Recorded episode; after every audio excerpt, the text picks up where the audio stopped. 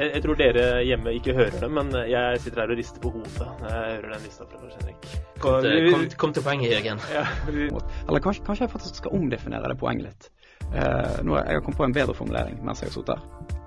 det, det er nødt til å være det er ikke noe annet. Altså, dette er jo Folk gråt jo når de, eh, når de eh, lanserte Parisavtalen. Hjertelig velkommen til Podkraft sin julespesial. Vi har eh, eh, Ja, det står i manus at vi har pepperkaker og kaffe i studio. Jeg har en kaffekopp som er tom. Eh, og det er ingen pepperkaker, eh, så der har jeg gjort en eh, dårlig jobb. Men det som i hvert fall er sikkert, er at i denne juleutgaven så skal vi forsøke å oppsummere energi, fornybar energiåret 2015. Eh, til å gjøre det så har jeg med meg mine faste gjester. Lars Henrik eh, Mikkelsen fra Norsk Klimastiftelse. Takk skal du ha. Og Jørgen Gummesson, senior risikoanalytiker i Sparebanken Vest. Eh, og for at ingen skal tro at jeg har dratt dem på jobb eh, midt i julekosen, eh, så eh, kan vi jo avsløre at denne podkasten spilles inn Lille julaften. 16.12. Det er òg en, en veldig grei unnskyldning dersom det skulle oppstå et eller annet spektakulært eh, etter 16.12. som vi fullstendig har ignorert. Eh, måten vi har lagt opp på, er at eh, vi tre skal hver for oss eh, begynne med å si de tre ulike hendelsene eller trendene som vi mener har preget eh, 2015 mest.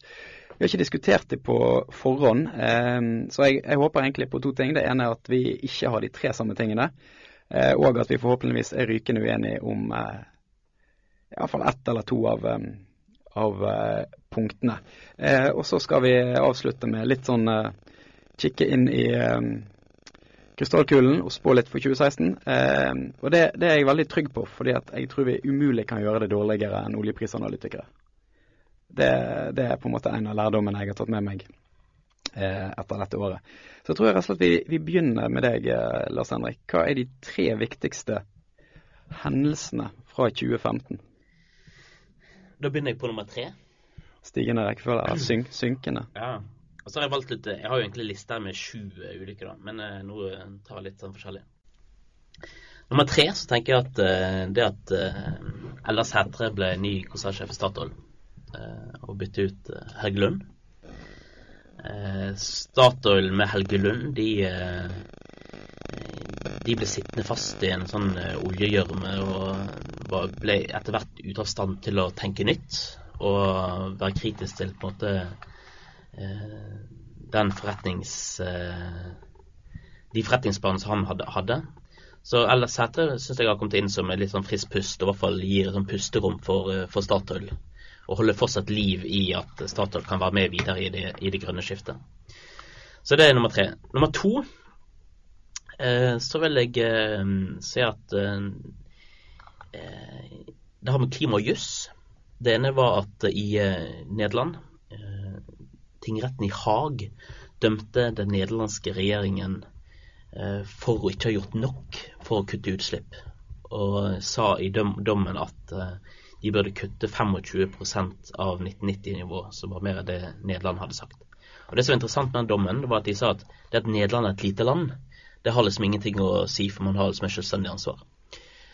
Og i forlengelsen av den, så er det òg det på slutten av året nå, hvor eh, er det statsadvokaten i New York, eller eh, i, i hvert fall så ble Exxon Mobile nå eh, undersøkt for å ha holdt tilbake opplysninger om klimaendringene eh, noen tiår tilbake.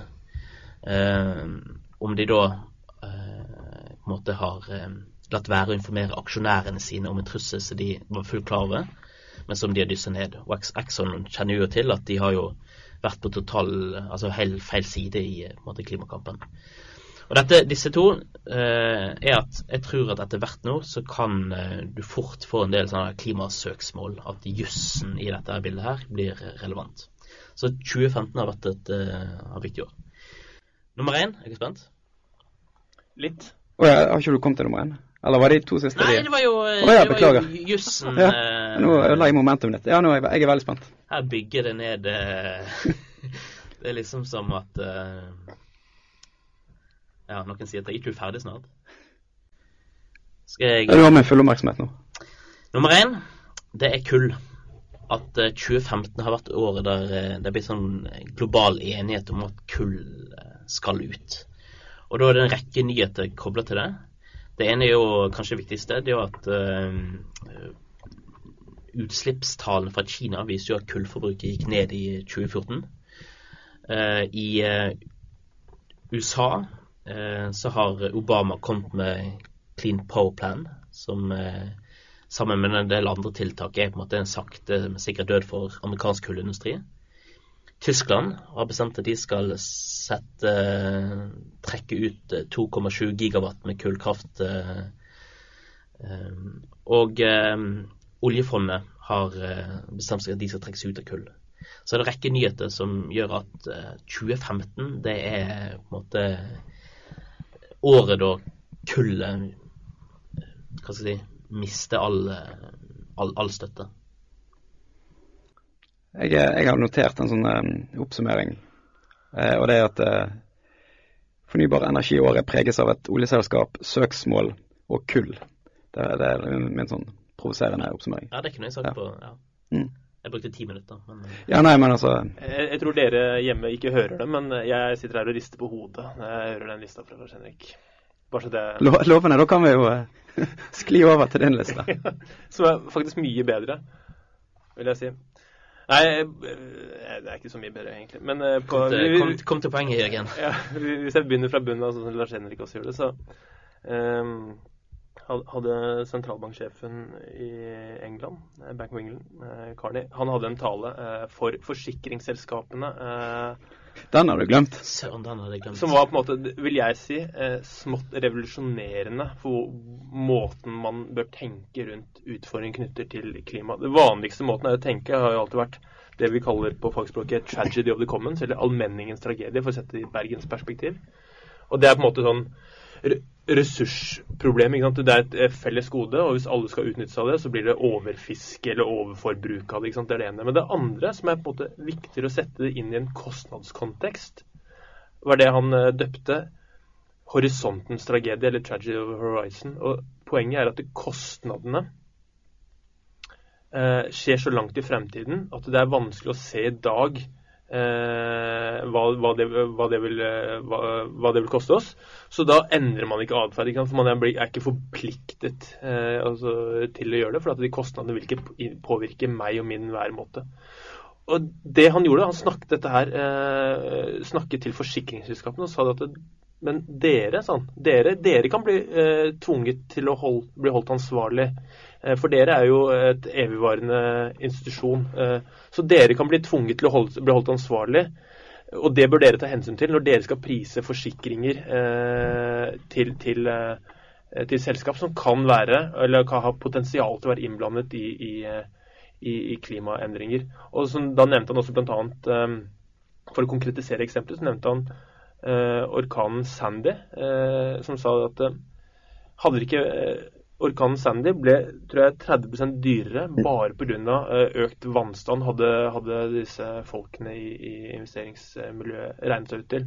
Så liksom, Dette var den konkrete kost, altså merkostnadene av klimaendringene, som man på en måte klart å sette i et veldig godt og finansielt perspektiv. Kan jeg bare gi en skryt? Ja. Eh, jeg skulle gjerne komme på den sjøl. Men, men, for å legge broder, for, for å gjøre mitt uh, liste litt genial, ja. så nevnte han tre risikokategorier. Den ja. du sa, det var den, den første. Helt riktig. Fysisk risiko med klima. Så nevnte du òg eh, altså karbonrisiko med sånn, for stranded assets. Mm. Og så var den tredje, som jeg tok på min liste, det var dette med ansvarsrisiko. Mm. Hvor han sa at aktører i dag som ikke opptrer ansvarlig. De kan risikere søksmål i framtiden, sånn som tobakksindustrien, eller sånn som man setter asbest-søksmål i USA. Mm. Så eh, jeg var kanskje litt mer detaljert. Eh, jeg gikk mer inn på detaljene enn det du eh, ja. Men Det gleder meg å høre at uh, daglig leder av Norsk Klimastiftelse understøtter eller liker mitt tredje valg. da. På andreplass uh, Det er egentlig sånn der delt uh, egentlig delt første-andreplass her, men, men um, vi kan ta det er en som bør trumfe, siden det er liksom for året. Så tar vi det andre først, og det er eh, eh, Øystein Stray Spetalen og Norges Bank. Uh, og det er nettopp det jeg mener er en mangelvare i denne debatten. her, Det er stødige finansielle uh, investorer som, som, um, som, fornybar energi trenger. De trenger Det de trenger aller mest, det er en slags finansiell darwinisme. Noen som kan gå foran og si hva er det som er lønnsomt og ikke lønnsomt. Hva er det som fortjener livets rett og ikke. Denne type eh, finansiell darwinisme har, en, har, ikke vært til stede i, i stor nok grad. Eh, og dette året 2015 tror jeg markerer startskuddet for det. Og da vil jeg også som en liten anekdote en ny spalte som jeg har lyst til å foreslå eh, til Podkraft i 2016.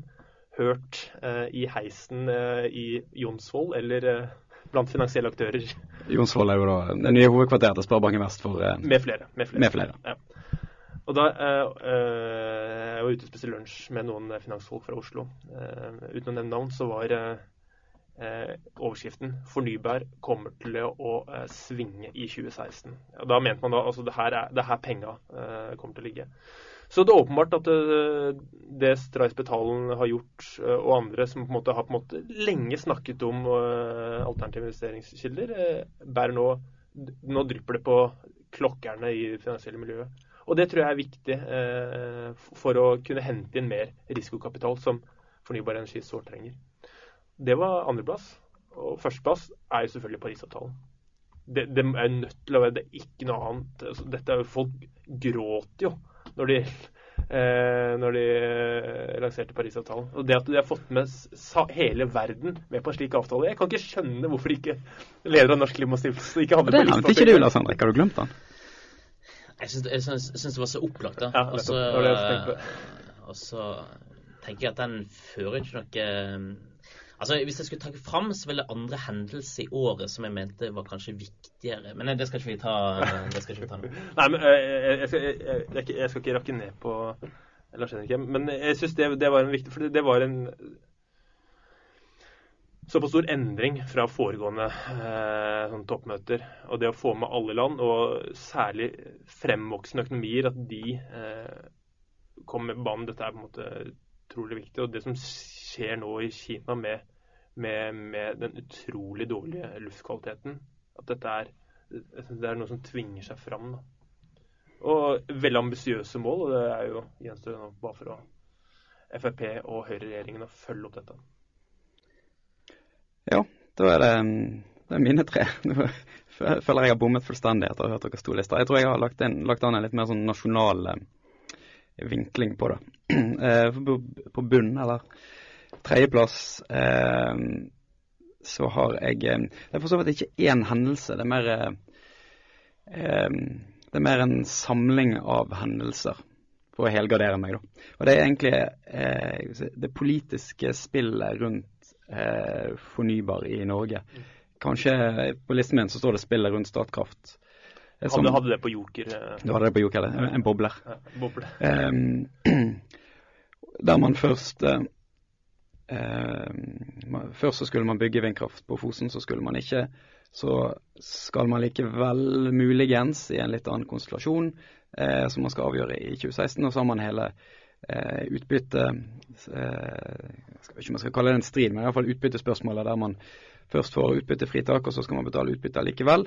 Eh, I tillegg så har man eh, foreslått Fornybar AS, som skal iallfall hvis det som står foreslått er at man skal få en investeringskapital på 20 milliarder. Så det foregår på en måte veldig mye politisk rundt egentlig norske næringslivsinteresser innenfor eh, fornybar energi. Og Det, det syns jeg er liksom fascinerende å se liksom blandingen mellom politikk og næring og eierskap og forvaltning. Eh, og så har du for så vidt oljefondet oppe i dag som eh, Eh, som vi har diskutert eh, tidligere, eh, men som de er jo, si, har armlengdes avstand til, til politikeren. Men det, det, er liksom en sånn Det er interessant å følge den justeringen. på andreplass har jeg klimaavtalen i Paris. litt fordi altså jeg, jeg, tror ikke den nødvendigvis altså, ja, Det at den ble vedtatt i 2015, det har jo ikke det konkrete resultatene av den kommer jo ikke i 2015, men jeg tror det var et, eh, et veldig godt signal, åpenbart. Og eh, det fanger òg opp et poeng som, som både eh, Lars Henrik og, og, Jørgen har vært inne på. Det er jo altså de finansielle aspektene ved det. Eh, altså mange, altså The Economist var det vel skrev at dette, dette var en klimaavtale for investorene vel så mye som for politikerne. Altså Det er veldig tydelige økonomiske signal som egentlig spiller videre på det både Mark Carney og andre har tatt opp gjennom året i forbindelse med, med om det er stranded assets eller, eller hva det måtte være. På førsteplass, det er jo en veldig nasjonal nasjonalpunkt, det er for så vidt litt det samme som Lars Henrik Mæland Sætre, men at Statoil oppretter et nytt eh, forretningsområde for fornybar energi, og da investerte i Hywind. Eh, det har jo heller ikke altså Det mest konkrete som har kommet ut av det, er jo den investeringsbeslutningen. Men eh, Statoil er en såpass dominerende aktør i norsk næringsliv at jeg tror det er, det er veldig viktig at de i hvert fall gjør noe. Så, så får man på en måte eh, se hva som kommer ut av det. Det er ikke sikkert at de nødvendigvis er løsningen på alt, selv om de har et godt utgangspunkt. Men eh, at den satsingen kan eh, måtte kaste av seg ved at andre aktører eh, hiver seg, enten hiver seg på eller lander kontrakter. Nå så jeg eh, at selskapene på Sørlandet som heter McGregor har fått den første vindkraftkontrakt på Hywind i Skottland som et eksempel på at en bedrift som, som bytter eh, eller utvider sitt beite. Og Jeg tror eh, Eh, enten man liker det eller ikke, så har Statoil en såpass dominerende rolle at eh, de vil være vesentlig for utvikling av en norsk fornybar industri eh, på lik måte. Eller kanskje, kanskje, jeg faktisk skal omdefinere det poenget litt. nå har jeg kommet på en bedre formulering mens jeg har sittet her. og det er at 2015 har på en måte utkrystallisert en del ledende norske selskap innenfor ulike segment. Altså, da snakker jeg om ledende i Norge, ikke nødvendigvis mm. ledende på verdensbasis. Altså, man, man har eh, Statoil på, på havvind. Man har eh, eh, Nell hydrogen innenfor hydrogensatsing, som da er selskapet til Spetalen. Og man har altså Scatec Solar, som eh, har posisjonert seg veldig bra i løpet av 2015 og vunnet på en måte eh, lisenser både her og der, spesielt i, i Afrika, og ble nylig kåret til mest internasjonale børsnykommer eller et eller annet i, i i den dur. Så man begynner på en måte å se noen sånne norske fyrtårn. Lokomotiv. Lokomotiv.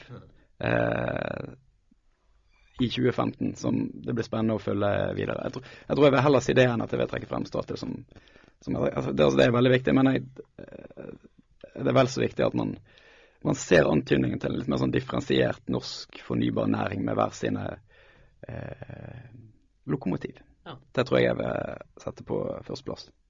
Så en fin liste. Jo, takk. Ja, jeg vil heller ikke kritisere programlederen uh, for den listen der. Jeg følte jo at akkurat det med Statoil Jeg følte du eh, tok et godt utgangspunkt med min sete, og så knadde du det og gjorde det på en måte enda bedre. Det du sier at du spilte meg god, det er det. Jeg, jeg spilte deg god. Mm. Og det er sånn eh, vi kanskje skal være her i podkast, at vi spiller hverandre god. I hvert fall i julehøytida. Ja. Men er det altså en, en sånn felles eh, nevner for, egentlig for alle eh, Det er jo egentlig penger og finansiell risiko. Altså hva, hva gir finansiell risiko, og hva gir finansiell avkastning. Mm. Eh, så det er utrolig kjedelig å på en måte konkludere med at pengene har vært det viktigste i 2015. Det er jo en fryktelig lite original eh, konklusjon innenfor et næringslivssegment. Men jeg, jeg tenker at det, det, man, er, man, har liksom, man, har liksom fått veldig sånn tydeliggjort at det er en sånn brytningstid. da. Mm. Og så er Norge tror jeg eh, så er Norge en litt sånn spesiell situasjon. for at uh, man har ikke et veldig stort kraftbehov i Norge som gjør at liksom, veien til uh, fra, olje, altså fra, en tung oljeindustri til en tung fornybarindustri er kanskje litt Det er ikke så opplagt da, som en del andre land hvor du kan bare bygge ut og på hjemmemarkedet. Eh, hvor har jeg tenkt meg nå? Jeg kan bare ta over stafettpinnen det, Skjønner du hva jeg mener? Jørgen? Jeg, jeg, kanskje. Jeg tror, La meg prøve. Altså, det skiftet som jeg, måte, jeg har sett, at du, det er det, du, du, går vekk fra den idealisme-tidsalderen over til på en måte realtidsalderen. hvor dette, I hvert fall i mitt perspektiv så er det det at liksom, eh, det har lenge rådd en god dose idealisme, og det er vel og bra. Men for at det skal eh, ha en langvarig effekt, så må det på en måte være Eh, finansiell eh, tyngde bak eh, disse vurderingene også, og beslutningene. For, I hvert fall for, for, å få det opp på et skala som monner. Og er det noe vi vet, så er jo dette en skala som må være global for at det funker. Og så, jeg syns du ser eksempler på det i Norge også, at eh, folk man oppfatter som beinharde investorer. Mm. Spetalen ble jo ofte trukket fram som en, en mann som han sa til meg på CD-konferansen at han kun rørte ting han tjente penger på. Mm. Eh, man har hatt Jens Olseth Moe, han kan man jo diskutere hvor mye han faktisk har tjent eh, på investeringene sine foreløpig. Men så ser man at eh, eh Johan Andresen, altså, eh, som eier Ferd, mm. eh, kjøper aksjer i Scatec Solar. Så du ser noen av de igjen hvis du holder deg i, i Norge, da. Men, men, trenden er jo, er jo ser man andre steder. Altså, du ser noen av de som man kjenner som de store, tunge finansielle investorene, begynner å snuse på, på um, på denne sektoren som et, eh, egentlig et, et, veldig lokalt eksempel på det, på det skiftet mm. eh, fra idealisme til, til ja, kapitalisme har det jo for så vidt vært hele tiden. Men eh, så var det et godt poeng eh, et intervju med Irene Rumelov, som er Statoil sin konsernsjef for eh, fornybar energi, som forhåpentligvis har vært på trykk når denne podkasten blir sendt. Hvis ikke så blir det en, eh, et lite sniktitt. Hun, hun trodde hun hadde fått jobben fordi hun var god til å skape butikk. Eh, heller at hun var en idealist. Altså den iveren og interessen for fornybar, den hadde hun på en måte fått etter Eller den hadde kommet henne etter hun hadde fått jobben, men man, i utgangspunktet eh, så var det hennes kommersielle egenskaper som hadde eh, Mente hun eh, hadde gjort at hun ble valgt. Og så er det jo kanskje ikke så rart at Statoil har kommersielle interesser, men jeg syns det, det, er liksom sånn Det er et lite eksempel på, på den eh, knekken, da. Ja. Fra idealisme til butikk. Jeg er helt, og, og, og, på andre side tenker jeg at det var søren meg på tide også. For at det, idealismen det mangler ikke, mangler ikke, på gode ideer. Men poenget er hvilke ideer er det som fortjener livets rett. Og heldigvis, heldigvis er egentlig på tide å si at det har vi kommet til den fasen nå hvor på en måte ord blir til handling. Mm. Eh, hvis vi skal kikke litt fram i 2016, før jeg mister stemmen fullstendig eh, Har du julefeiring? Jeg vil gjenta at vi spiller alltid den 16. desember, men uh, det, det, glemte jeg. Ja. men godt forsøk. Um, jeg har uh, egentlig tre spådommer Eh, som jeg, jeg, kan begynne med de, da. Jeg tror 2016 blir et slags mini-gjennombrudd for hydrogen i Norge.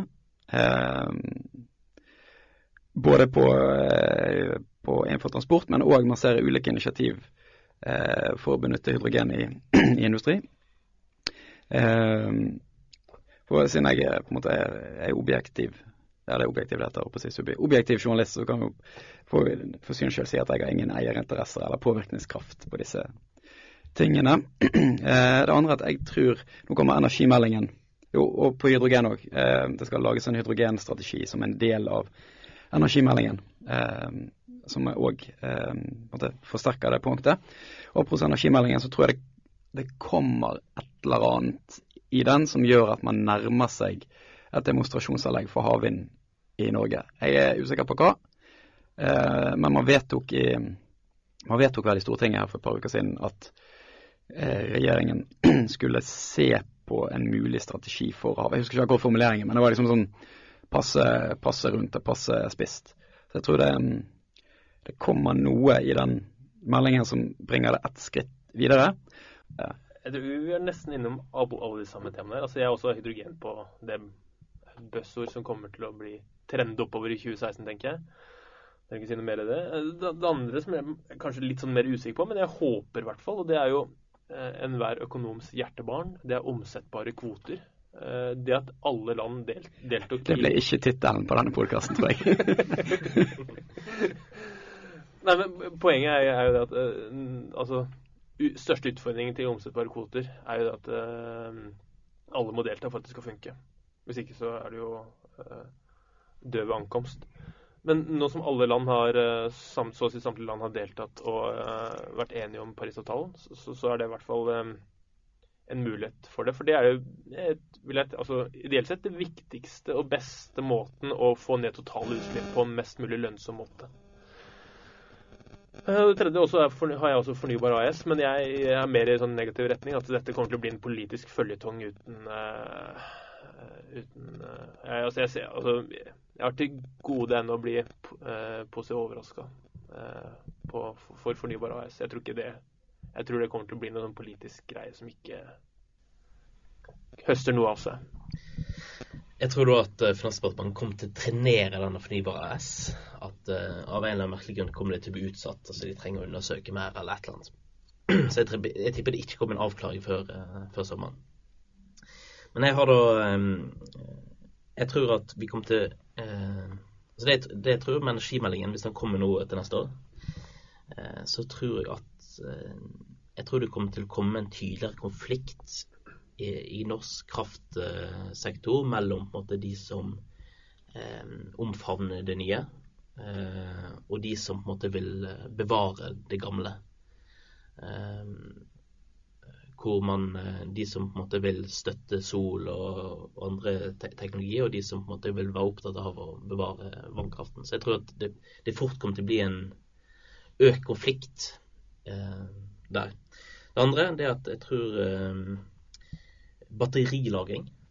Eh, Om noen år så kommer vi til å se det som konsekvensen av det, at det kommer til å være store utslag. Og det tredje, eh, jeg tror det blir regjeringskrise. Med Barentshavet tror jeg kom til å aktualisere behovet for en ny oljepolitikk. Og der tror jeg eh, sentrum og regjeringen kommer til å stå mot hverandre. Du så jo litt av antydning nå etter Paris, hvor noen sa at nå måtte dette få konsekvenser for olje, oljepolitikk. Eh, og så tror jeg man kommer til å få en debatt om oljeskatteregime. Eh, og sammen med Grønn skattekommisjon, som skal eh, hvor eh, man snakker om dyrere drivstoff, så tipper jeg at eh, Jeg tipper det blir eh, Ja, regjeringen kommer til å ryke. Den var spenstig. Ja, den var, den var, var futtig. Det kan være overskriften din, det. Regjeringen ryker. Mm. Nei, men eh, jeg tror i hvert fall det, det er i hvert fall det jeg tror. Jeg tror på, skal vi gjette på oljepris? Det hadde vært veldig gøy også om et år. Så kunne du liksom Ja, vi, vi kan vel Knut Vi kan tillate oss et, et, et, et hopp inn i Ja. selv om årsgjennomsnittet på oljeprisen? Han heter forresten Jaran Rustad, ikke Ja. Knut. Sier Knut? Da kan jeg åpne ballet med forhåpentligvis en mer analytisk tilnærming til problemstillingen. Eh, Sparebank Vest eh, leverer jo eh, anslag, eh, eller vi, vi publiserer anslag på oljepris. Og vårt siste anslag det er eh, 55 dollar fatet i snitt for eh, 2016. Eh, og det begrunner vi med tre, to, i hvert fall to ting. Det er for det første det en, den store tilbudsoverhenget vil fortsatt vedvare ut i, ut i, ut i 2016. Eh, og tilbud. Kinas økonomi kommer til å gå dårligere, så etterspørselsveksten kommer til å avta. Og Kina har vært en veldig viktig etterspørselsdriver. Eh, og så tredje også er at USA eh, har nå hevet eh, eller Det er et ligger forslag inn på Kongressen for å heve eksportforbudet, som vil også presse prisen. Så 55 dollar fatet det er ca. det samme som har ligget i snitt for 2015. Det er kanskje anslag i norske kroner, men det er vanskelig, for da burde det også ha valutakursvurderinger også. Altså, jeg er så inne på de asiatiske børsene, så jeg tenker liksom yen og yang og yin og ting. Men eh, dollar, det går greit. Det går greit. Jeg tipper, jeg tipper man får et årsgjennomsnitt på 49. Ok. Jeg har ikke peiling. Jeg sier 2,50, da, så legger jeg meg midt imellom. Det er for- 52? Ja, ja. Så alt over 55 så vinner jeg, er det det som er ja. det, det, det tror jeg er nå, nå har vi begynt å diskutere oljeprisen. Det er vel et tegn på at vi ikke har så mye mer på hjertet. Tusen takk for at du har eh, fulgt Podkraft i løpet av eh, 2015. Vi eh, er tilbake igjen eh, på nyåret med eh, mer eller mindre kvalifiserte meninger. Og ha en eh, fortsatt riktig god jul.